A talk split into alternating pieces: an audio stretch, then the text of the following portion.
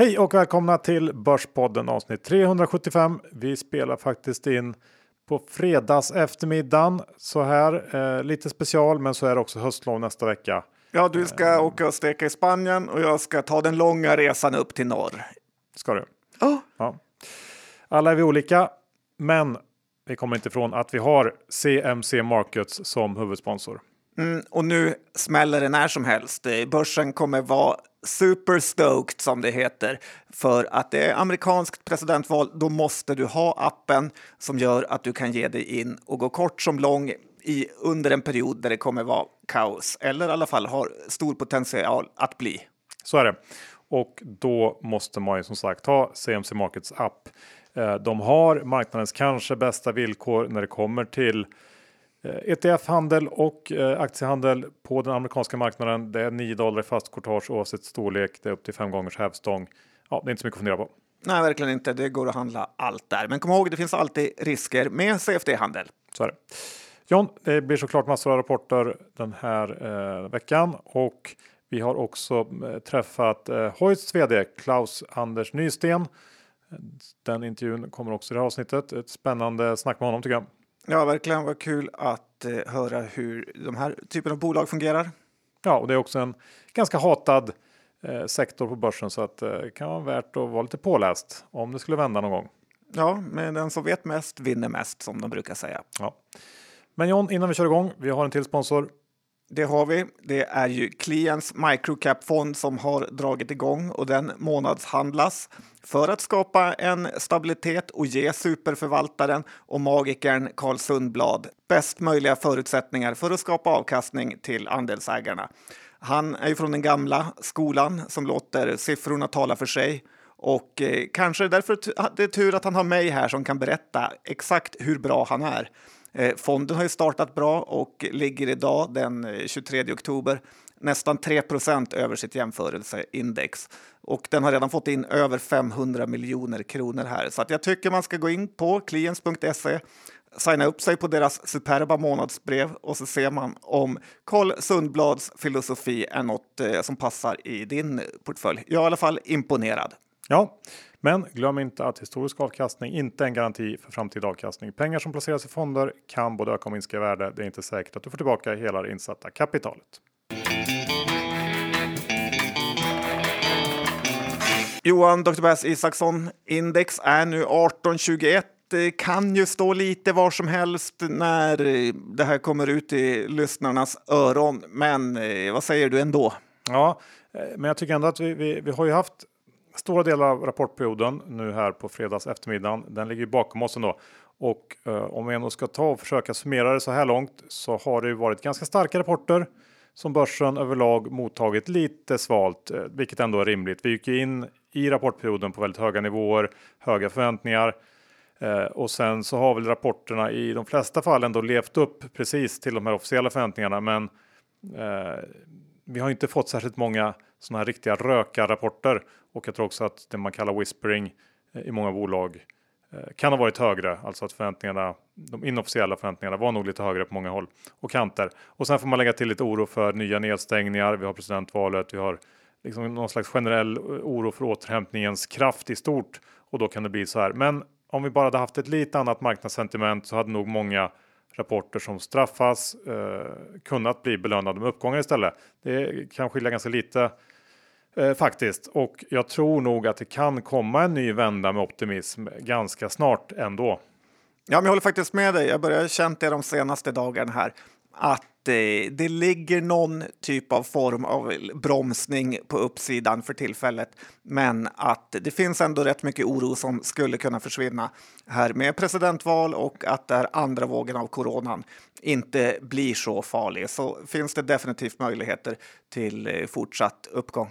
Ja, och det här tycker jag kanske är tydligast i verkstadsbolagen Eh, jag tänker inte gå igenom eh, så mycket verkstad idag på aktienivå, men, men om man tittar på i princip alla eh, stora verkstadsbolag som rapporterat så går det att tolka både rapporterna och, och det som ledningen säger om utsikterna på, på bägge sätt och börsen har nu valt lite mer negativt sätt att tolka det på, men det kan svänga snabbt tror jag.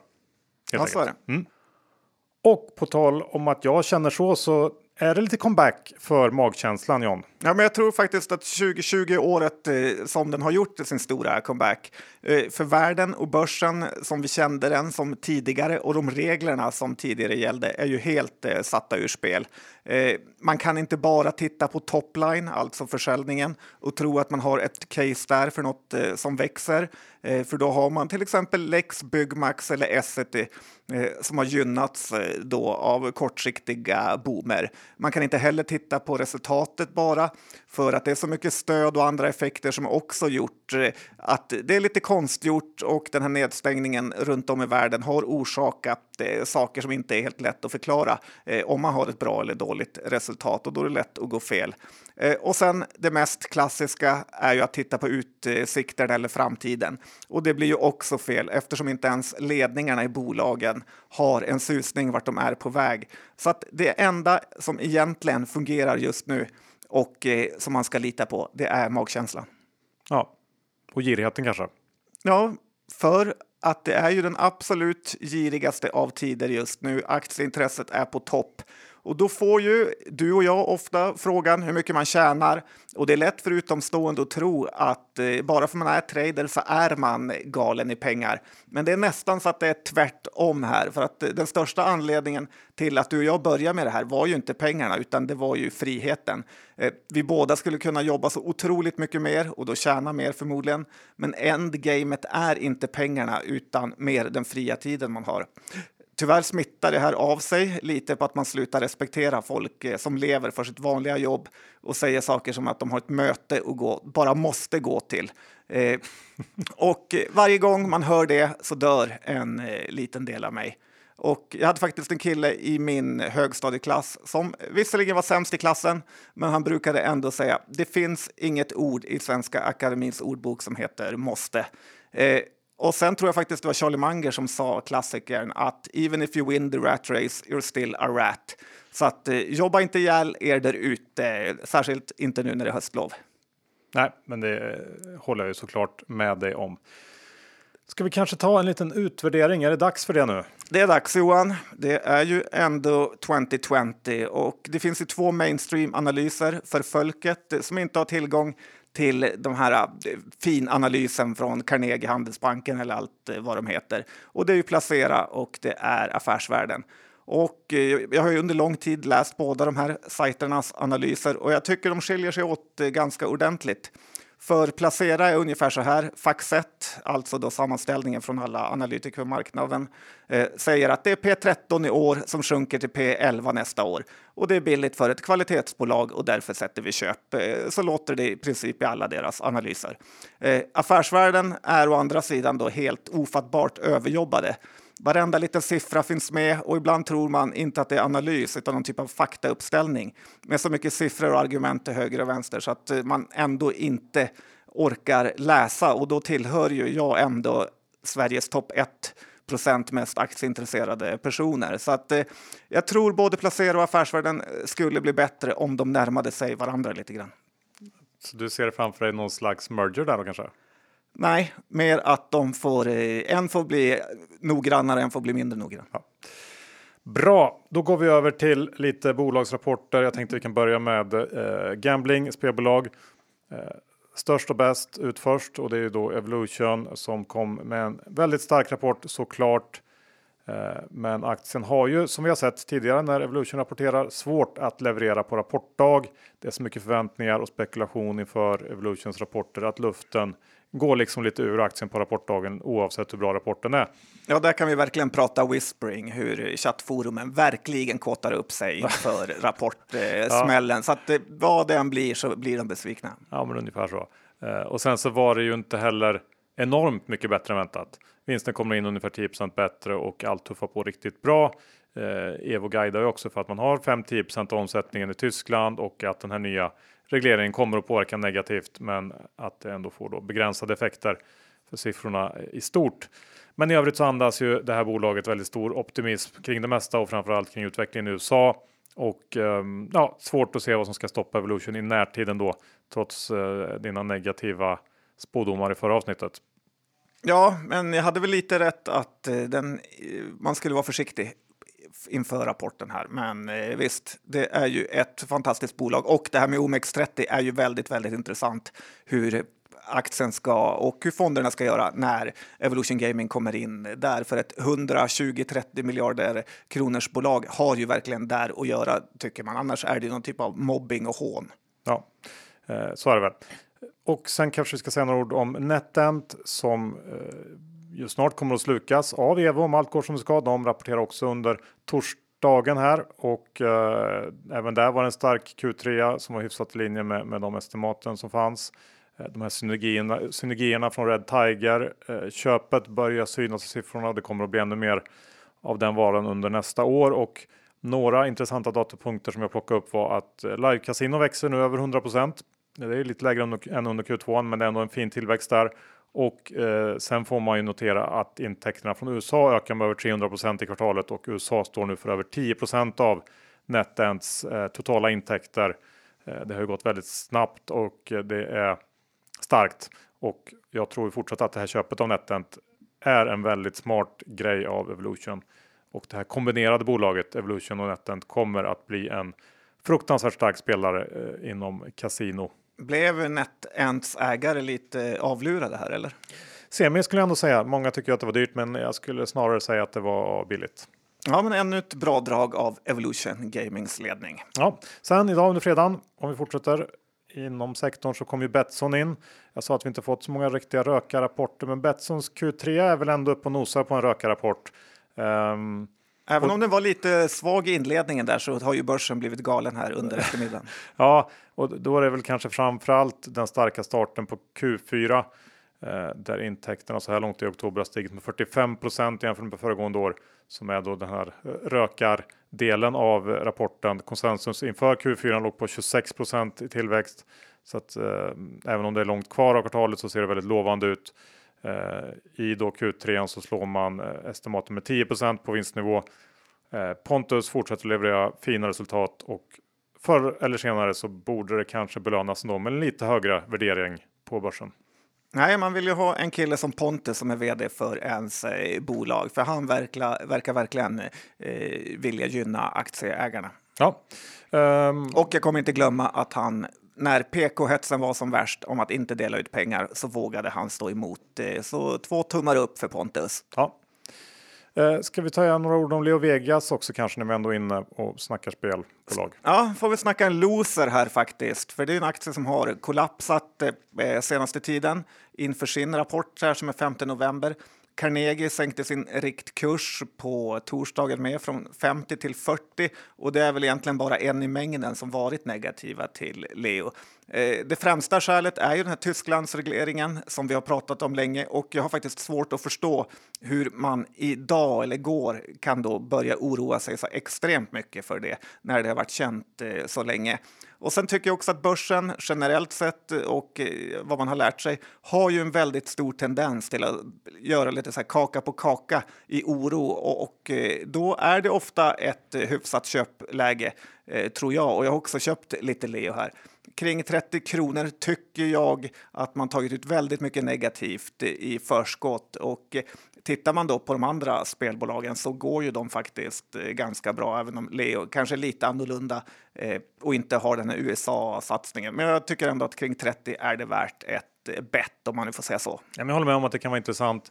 Eh, de har ju en, en ändå väldigt duktig ledning får man säga som varit duktig på att hantera problem Sen är det inte bara Tyskland som är, är lite jobbigt nu, utan det är ju även de här begränsningarna som påbörjades i Sverige här i somras som också slår hårt mot Leo Vegas som fortfarande är stora i Sverige. Så att det är ju lite motvind på, på flera håll och kanter där. Men visst, eh, mycket måste ju vara känt, eller det mesta måste ju vara känt. Så att eh, ja, spännande bett.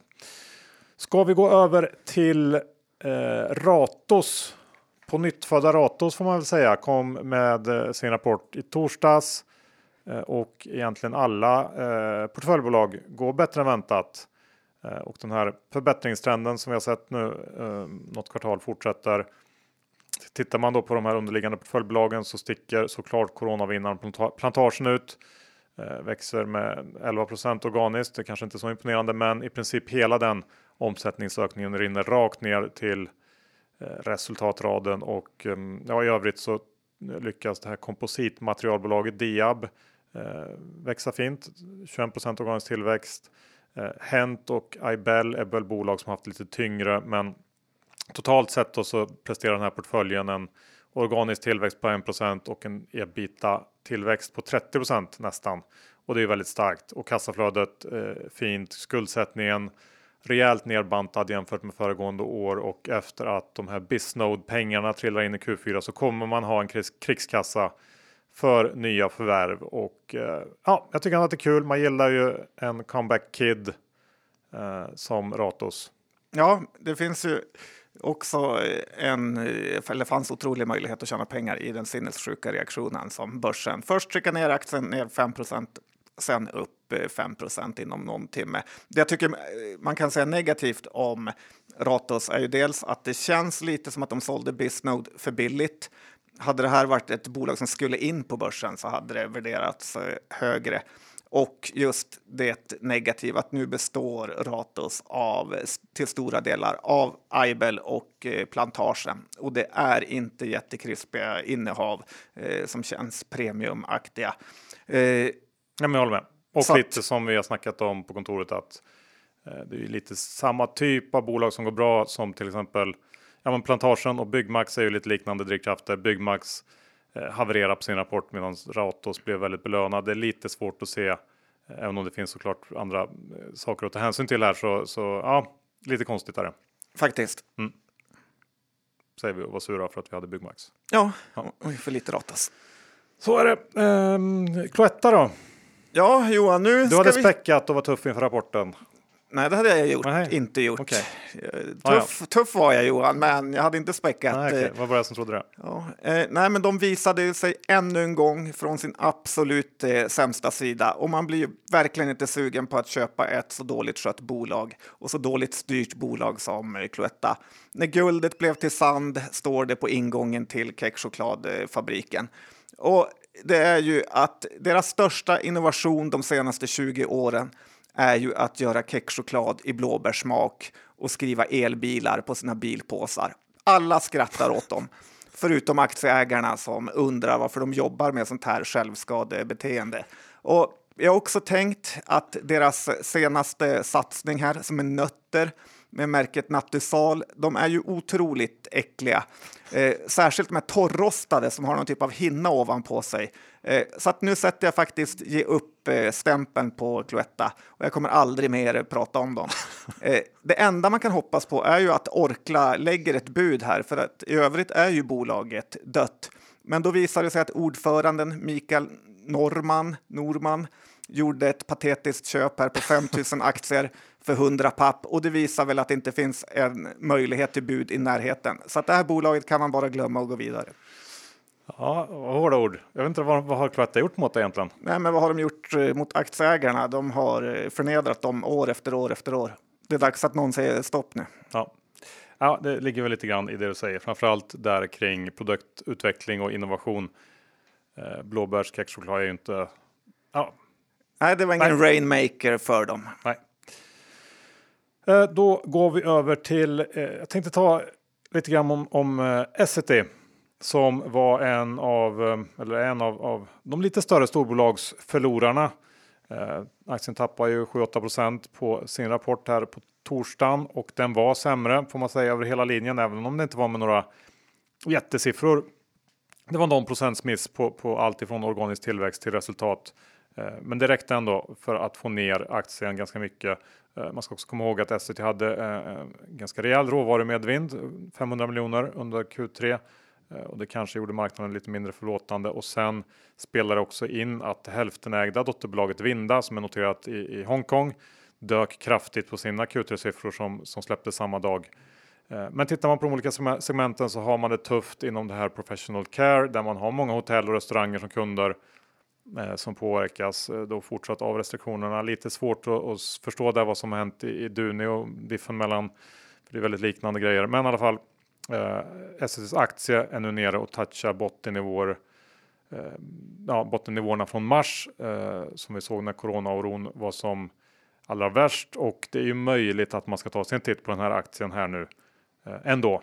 Även om du inte kanske... Du Nej. ser lite tveksam ut. Nej, men nu är det dags att kicka Magnus Groth en gång eh, för alla. Han har visat sig från sitt var- eh, rätta han, ansikte. han släppte en rapport som missade med, med liksom 2% på konsensus. Nej, men jag har varit rätt trött på han i många år nu. Jag. Och jag såg att idag gjorde Men han... nu så ett- du, fick du chansen. Ja, och men idag gjorde han ett sånt här behålla jobbet-köp eh, av aktier för en miljon för att visa sig committad, för han är så rädd om jobbet. Han vet att han ligger riktigt, riktigt illa till.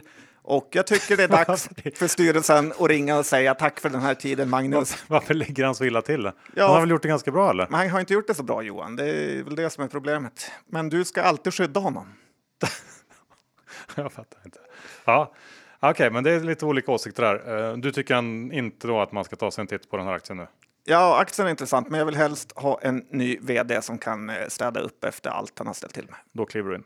Ja, Ska vi avsluta vårt eget bolagssnack med eh, offentliga hus? Nykomlingen här på fredagen på börsen. Jajamän, och eh, den har väl gått in till börsen så här med lite av en fiaskokänsla. Deras roadshow kan inte varit så lyckad för att aktien gick då till börsen i det lägsta av intervallet som det var utlovat. Och eh, Eh, kritiken mot bolaget är väl att det kanske inte är så mycket offentliga hus som man försöker få det att framstå som då man har bland annat Scania som största hyresgäst och eh, flera av deras fastigheter är mer av ett byggprojekt än något högkvalitativ byggnad med fina hyresgäster eh, som det stoltseras med i det här eh, prospektet. Men en sak jag tänkte ta upp som mainstream media vet, men som ingen snackar om och ja, det är lite därför folket har mig. Eh, för jag tycker inte att det är mer än rätt att alla har samma info, även om man är småsparare. Och eh, det här är ju ett rykte som man ska komma ihåg. Och ryktet är då att, eh, som jag faktiskt har hört från flera källor, väldigt bra källor ska tilläggas. Och de säger att det faktiskt är Jonas Oredsson som har mycket pengar som ligger bakom det här projektet på någon vänster. Och jag har tyvärr inte mer info än så och tycker att det ändå ska komma ut så att man förstår varför de här innerstadsbankirerna och eh, de fina pengarna håller sig borta från offentliga hus. Och det är just eh, på grund av att de inte vill eh, sammankopplas med Jonas Oredsson. Spännande uppgifter John. Vi lämnar det och går över till vårt snack med Hoists vd Klaus Anders Nysten. Vi träffade honom den 19 oktober och ja, vi pratar såklart om Hoist, branschen, hur det fungerar, eh, varför den är så billig eh, och mycket, mycket mer. Ja, det är väldigt kul att lära sig hur den här branschen eh, fungerar som sagt. Och som du sa i början av programmet, den är hatad nu och kanske möjligt ett eh, intressant läge att börja köpa in sig. Ja, lyssna här.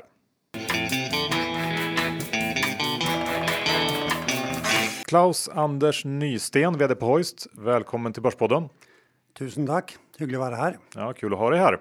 Du är från Norge, det hör man direkt. Det hører man direkte, så jeg skal forsøke å tale et eh, svorsk, altså et svensk-norsk, så alle forstår hva jeg sier. Ja, men vi är vana med Skavlan så att jag tror att det kommer gå bra. Ska vi börja med, med eh, Hoist? Vad betyder det egentligen? Var kommer namnet ifrån? Aha, god fråga. Det vet jeg faktisk ikke. Men bolaget er etablert i 1994. Eh, i 1996 så fick man såkalt banklicens. Eh, och i 2015 så blev man børsnotert. Eh, men bolaget startet egentligen med import av fordon, alltså bilar, alltså Opel-import, tror jag. Det tror jag är historien, från tidigt, tidigt på 90-talet. Så blev det etter eh, något annat. Men, men kan du inte berätta lite kort om, eh, om hur, hur ni bedriver er verksamhet? Hur fungerar det egentligen? Ni köper in förfallna fordringsportföljer och försöker sedan driva in skulderna. Ja, det är korrekt. Vi är eh, aktiva verksamma på tio i tio länder i Europa. Eh, vi har ungefär 6,5 6,5 miljoner kunder som har svårigheter med att betala sin skuld. Eh, och vi köper portföljer från andra banker i Europa. Och så försöker vi att komma i kontakt med våra kunder och etablera betalningsplaner med dem. Har ni bara eh, privatpersoner eller har ni även företag som eh, kunder? Ja, I stort så har vi nesten bare privatpersoner. Noen små porteføljer er også med småforetak, men det er unntaket. Men ni kallar dem för kunder. Vill man Ja. vara kund hos eh, Hoist då? Nei, vet du hva? Altså, vi er riktig, eh, riktig opptatt av å være nære våre kunder. Eh, De har kanskje ikke frivillige blitt kunde hos Hoist. De var jo kunde hos andre banker med sitt bolån eller sikkert ditt kort. Men så har, av ulike skjell så har man kommet i økonomiske besvær. Eh, Og den, eh, deres vanlige bank har ikke klart å funne, funnet fram til noen løsning med de her kundene. Og da kommer vi inn i bildet via at vi kjøper porteføljer fra andre, andre banker. Kan du inte berätta lite om hur en medelkund ser ut till er som då har hamnat i de här eh, svårigheterna? Ja, en, eh, en medelkund eh, typisk har en skuld på la oss si 100 000 kroner eh, til oss. Eh, det vanlige er at vi etablerer betalingsplaner med dem. Og de betalingsplanene gjør at de betaler et månedlig beløp, eh, kanskje 500 kroner i måneden, kanskje litt mer. Eh, og de er kunder hos oss i fem til ti år. Men ni köper in då, då den skulden på 100 000 för kanske 10 till 15 000 kronor då? Ja, er helt beroende på hva slags eh, skuld det er. Er det kredittkortskuld, så betaler vi en pris. Og er det en, en Fins det noen fastighet i bakgrunnen, altså det er en- det er en s- sikkerstilt skuld, et bolån, så betaler vi mer. Men kreditkort är det man är, betalar minst för eller?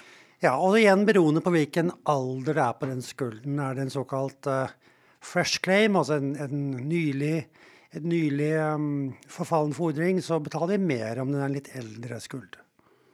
Men typisk sett eh, mellom 10 og 20 Det er vel ikke noe dårlig eh, gissning.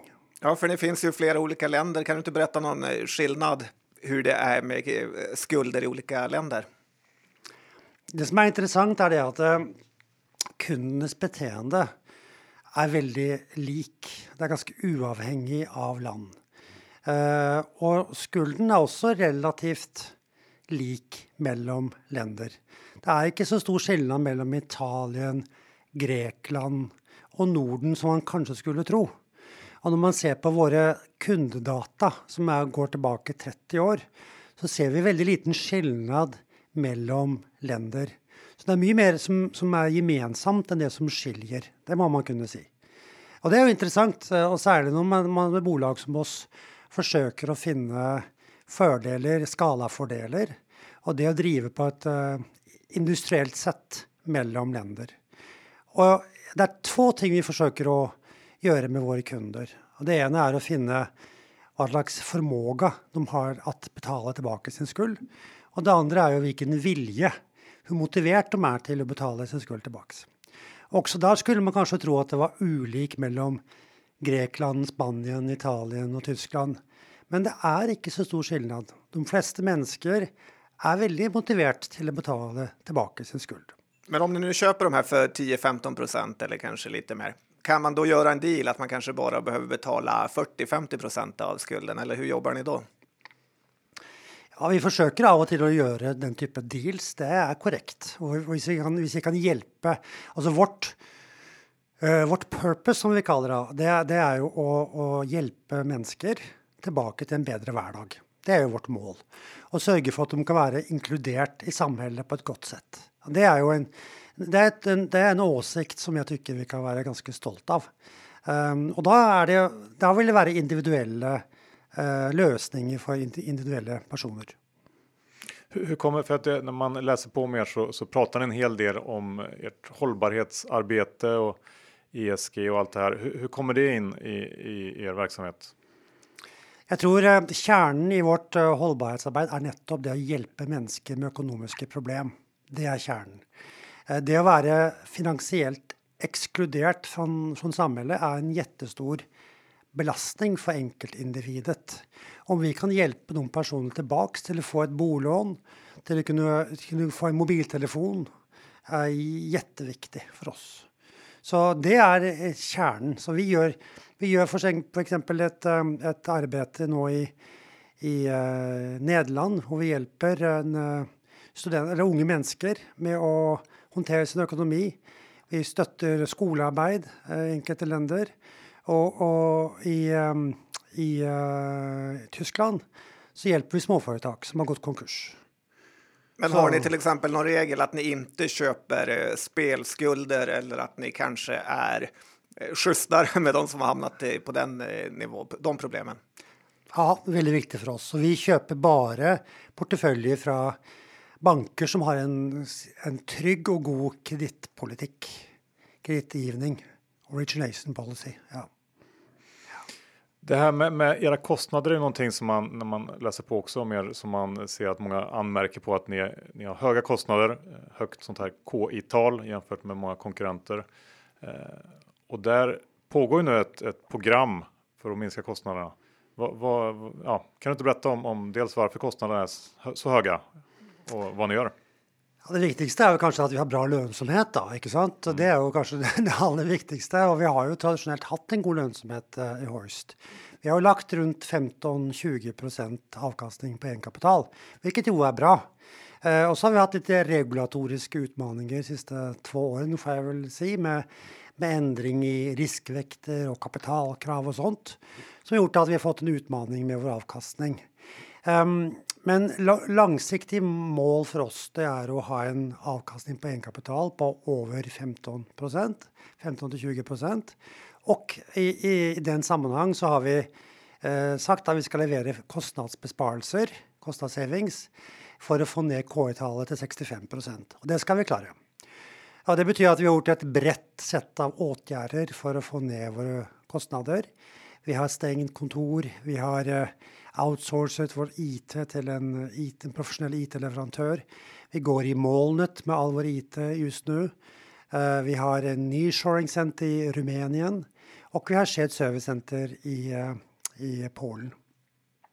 Så jag är helt, jag är helt övertygad, jag är helt uh, kommitterad till att få kostnaderna ned och KI-talet ned och det ska vi visa i kvartalen framöver. Om man tittar på er konkurrent till er, då får man säga Intrum som gjorde omvänd vinstvarning idag. Och, eh, vad har ni för fördel jämfört mot eh, dem till exempel? Den största fördelen för oss är att vi har banklicensen. Eh, det betyder att vi kan, vi kan finansiera oss genom eh, inskudd från privatkunder, deposits.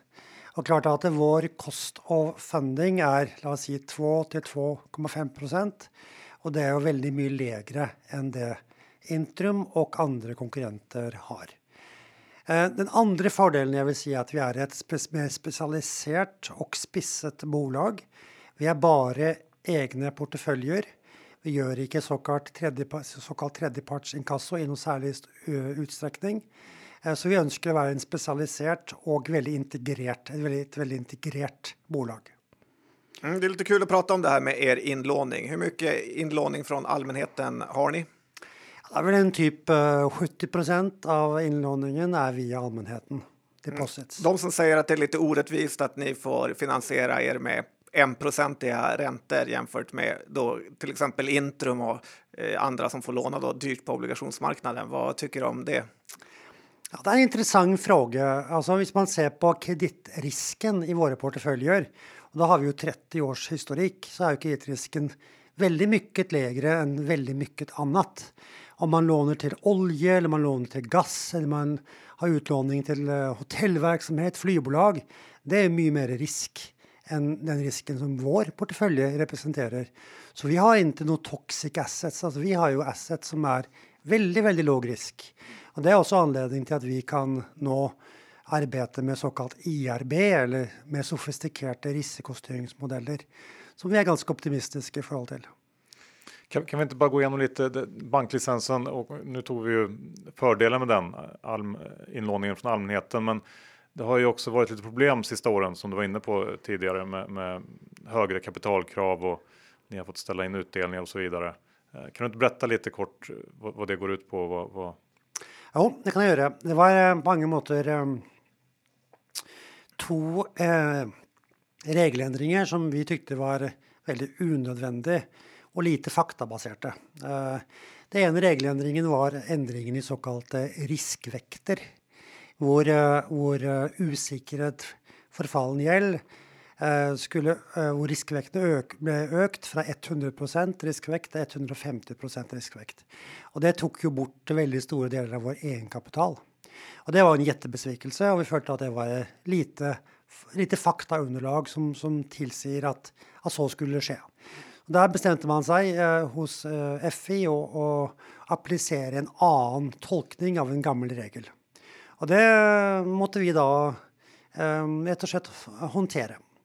Den andre regeländringen som vi har måttet håndtere, det är det såkalte ja, NPL backstop. Dette er lite litt svårt, kanske, men, men det är altså hur man ska betrakta eh, värde på förfallna fordringar när man ska beräkna igen egenkapitalen. Eh, så, så, de två regeländringarna har gett oss stora utmaningar, men det är utmaningar som vi har hanterat.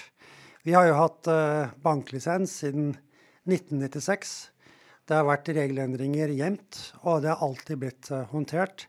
Och vi har också hanterat de sista regeländringarna. Och den här, det finns ju kanske möjlighet för er att få göra egna sådana här beräkningar som jag förstår det. Vad, vad krävs Correct. för att ni, för det är ju någonting som ni vill då antar jag? Ja, så den 150% regeln om man gick från 100 riskvekt till 150% riskvekt. Det tog väck väldigt mycket av vår egenkapital som mm. sagt. Eh, om vi får ehm, eh, godkänt hos eh, FA våra sofistikerade riskstyringsmodeller så vill ju vi kunna ha ett kapitalkrav som är, eh, är mer nöjaktigt eh, kalkylerat eller beräknat. Och då tror vi att vi kan få riskvekten ned igen till om lag 100% Så det har liksom gått full circle tillbaka till utgångsläge omkring 100 riskvekt. Så det är någonting ni, ni, väntar på att få ett sådant besked? Vi, vi arbetar nu med själva söknaden eh, om, okay. å, om mm. å få tillstånd. Eh, vi hoppas att sända söknaden i löpet av låt säga ett års tid. Eh, och så är det ju en, en saksbehandling hos, uh, hos FI. För det var väl då aktien kraschade när det här negativa beskedet kom. Så att om ett positivt kommer så ska man hoppa på köpknappen, antar jag. jag tänkte vi ska ändå prata lite om eh, Sveriges posterboy nummer ett nu, Erik eh, Selin. Han är ju största ägare i Hoist. Har ni någon kontakt? Ja då, absolut.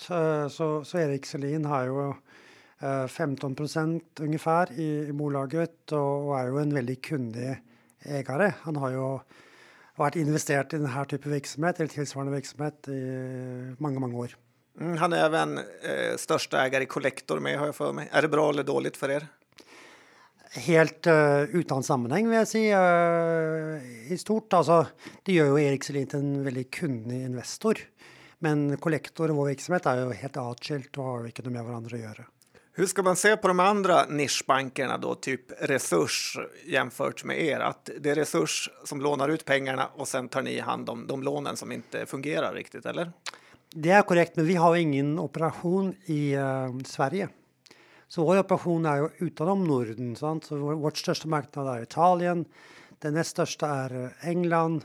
Så kommer väl Polen, Frankrike och Tyskland, tänker jag. Så vi är ju i de stora marknaderna och vår strategi är ju att vara i de stora marknaderna. Vi tycker inte att det är någon särskilt god idé att vara i 23 eller 26 eller 30 länder.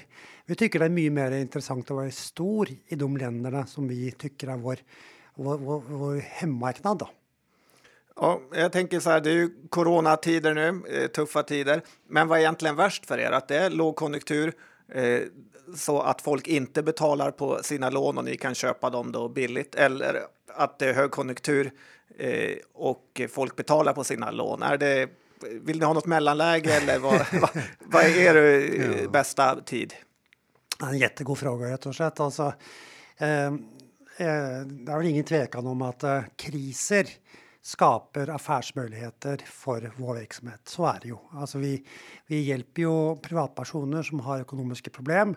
Och, och, och klart att äh, efter finanskrisen så, så var ju äh, förfallen skuld på bankernas äh, balansräkning gick ju helt upp till 1,3 triljoner euro. Ett mycket, mycket högt belopp. Eh, två och en halv gång nivå det var innan finanskrisen. Eh, och det är klart, ehm, pandemin gör att ehm, non-performing loans-volymen de går i, i, i, taket igen. Då. Så affärsmöjligheterna är, är jättestor. Men igjen, ehm, i vardagen så, så, är det ju slik att vi är ju beroende på att folk betalar på sina betalningsplaner. Men vi ser att, uh, att vår eh, affär är ganska oberoende konjunkturer. Både Asiakrisen 2001, finanskrisen 2008 ganske robust collections. Og det ser vi eh, trots alt også i pandemien, som jo er mycket, mycket stor. Men effekten är ganska liten trots allt på vår collections. Jag tänker som, som investerare när man tittar på, på Hoist, vad, vad tycker du är viktigast att, att titta på när man försöker göra en analys? Vilka parametrar ska man, eh, ja, ska man titta på? Jag tycker man ska följa eh, selvfølgelig var, vår, hvor ligger an i förhållande till finansiella mål, alltså return on equity är jätteviktigt för oss. Eh, och självklart cost income. Dernest vill jag sagt växten i affären. Ska man gå på med operationella kopior som vi tittar på själv så är det ju collection performance. Och där har vi en förväntning om att ligga något över 100 procent och man kan tänka som 100 procent, vad är det? Jo, det är den business-casen som varje portefølje har. da. Det er den collections-kurven som vi har for hver portefølje. Om vi kan ligga på collections noe över det, så är det jättebra. Och många är ju lite rädda för balansräkningarna i den här typen av bolag. Är det något extra man ska generellt kika på i eh, nischbanker där, tycker du? Alltså, mm, hos oss är det ju kreditrisken vill ju vara den, den största, största osäkerhetspunkten, inte sant? Och och det vi måste göra när covid eh, kom i första kvartalet här, det var att göra en, en nedskrivning av våra eh, portföljer som följd av osäkerheten runt eh, collections framöver. Nu ser vi att det vi sa i första kvartalet håller. Vi tror att collections är utsatt och inte försvinner inte. Sant? Så, så vi tror att, vi kommer, att detta är en nedskrivning vi, vi får tillbaka över tiden. Köper ni och säljer hela portföljer eller när ni har köpt in en portfölj med skulder så ta, försöker ni få in så mycket ni kan där? Eller? Ja, vi, har, vi säljer inte portföljer vi köper, så vi köper portföljer och jobbar med våra kunder för att finna hållbara, goda lösningar för dem över, över tid. Och typiskt sett så är en kund, kund hos oss i 5 till 10 år och vi försöker nu jobba med Også nya lösningar, også digitala lösningar för att hjälpa dem ut av problemen. Og om man frågar en kund då, vad, hva, hva, er, hva, står øverst på, på önskelistan? Och da står det gärna ny jobb. Och nummer två står det kanske lägre kostnader. Och vad har vi gjort? Jo, vi har bland annat ett eh, partnerskap med ett bolag som heter AppJobs som, som är en slags arbetsförmedlare for, for, med, som förmedlar jobber.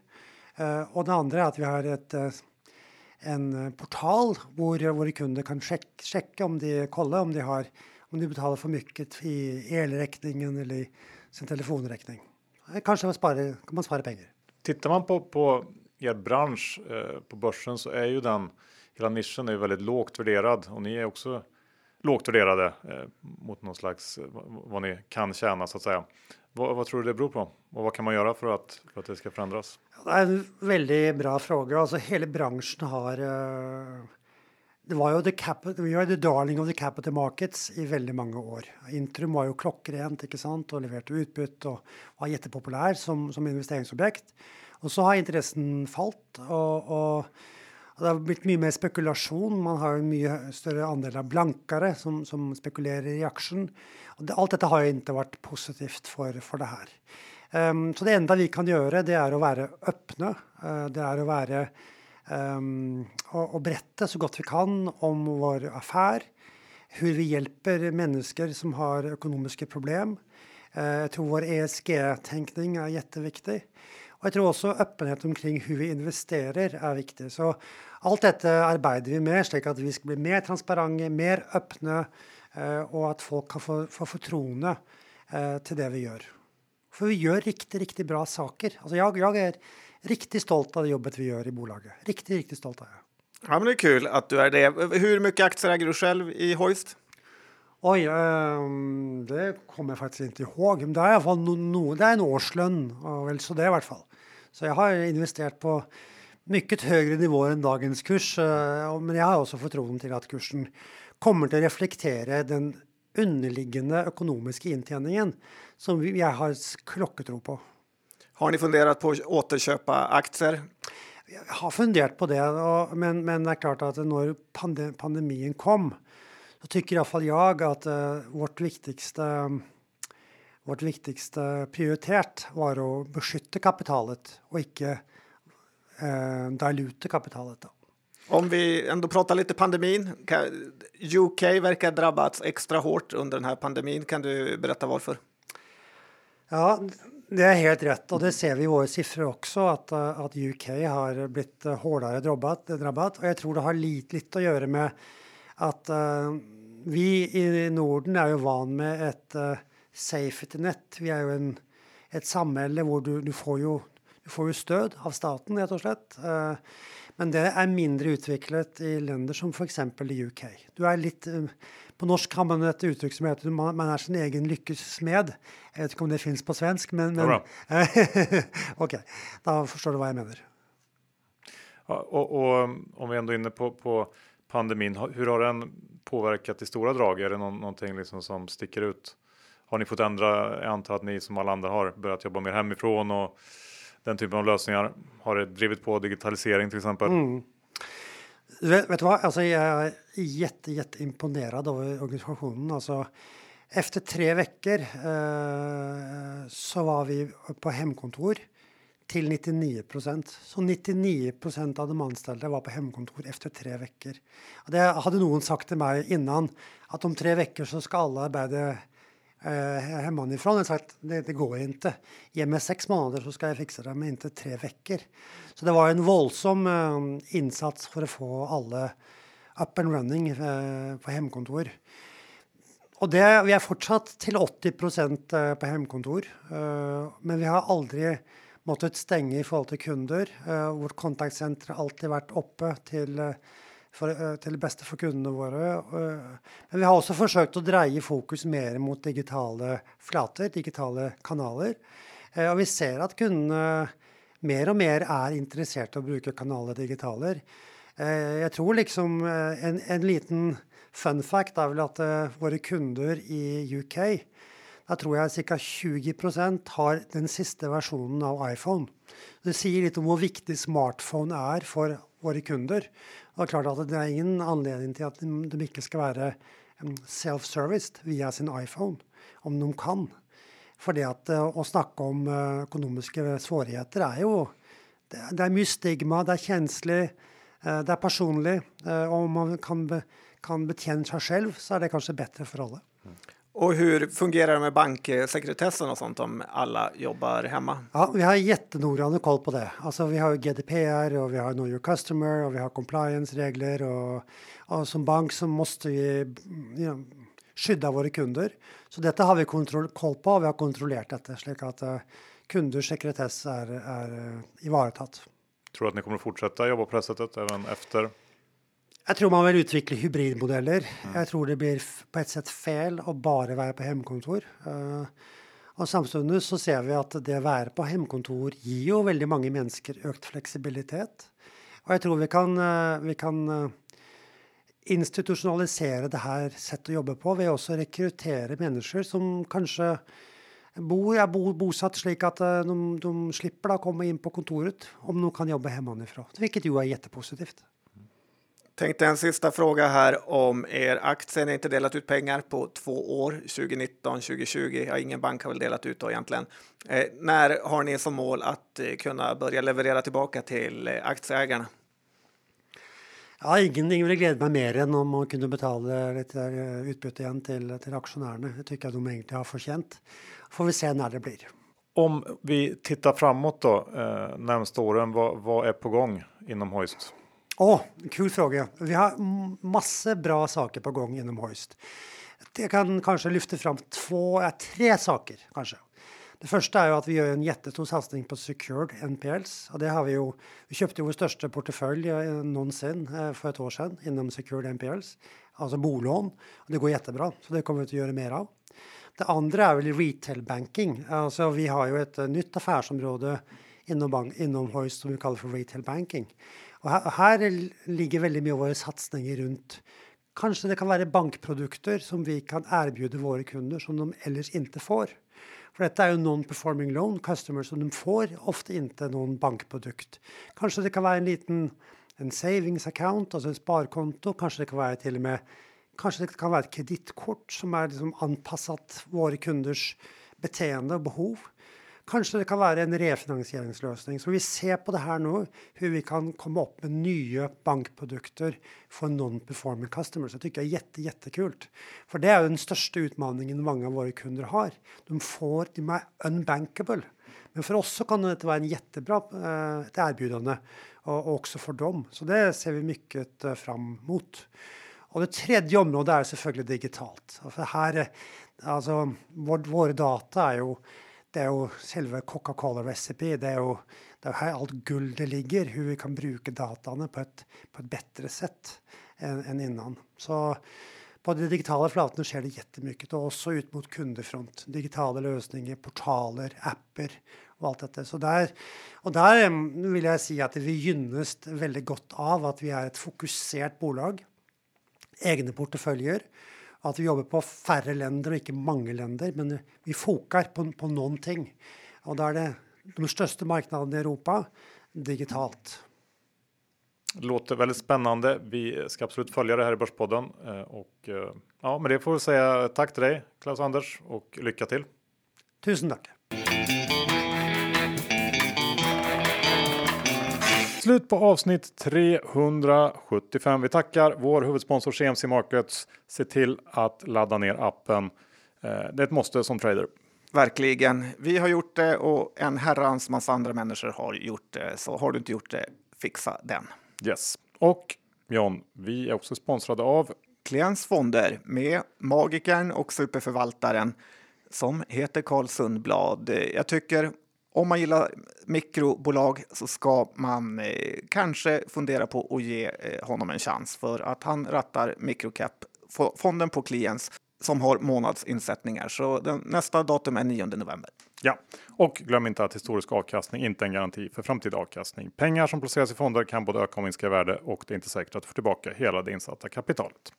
John, hur är det med innehav eh, den här veckan?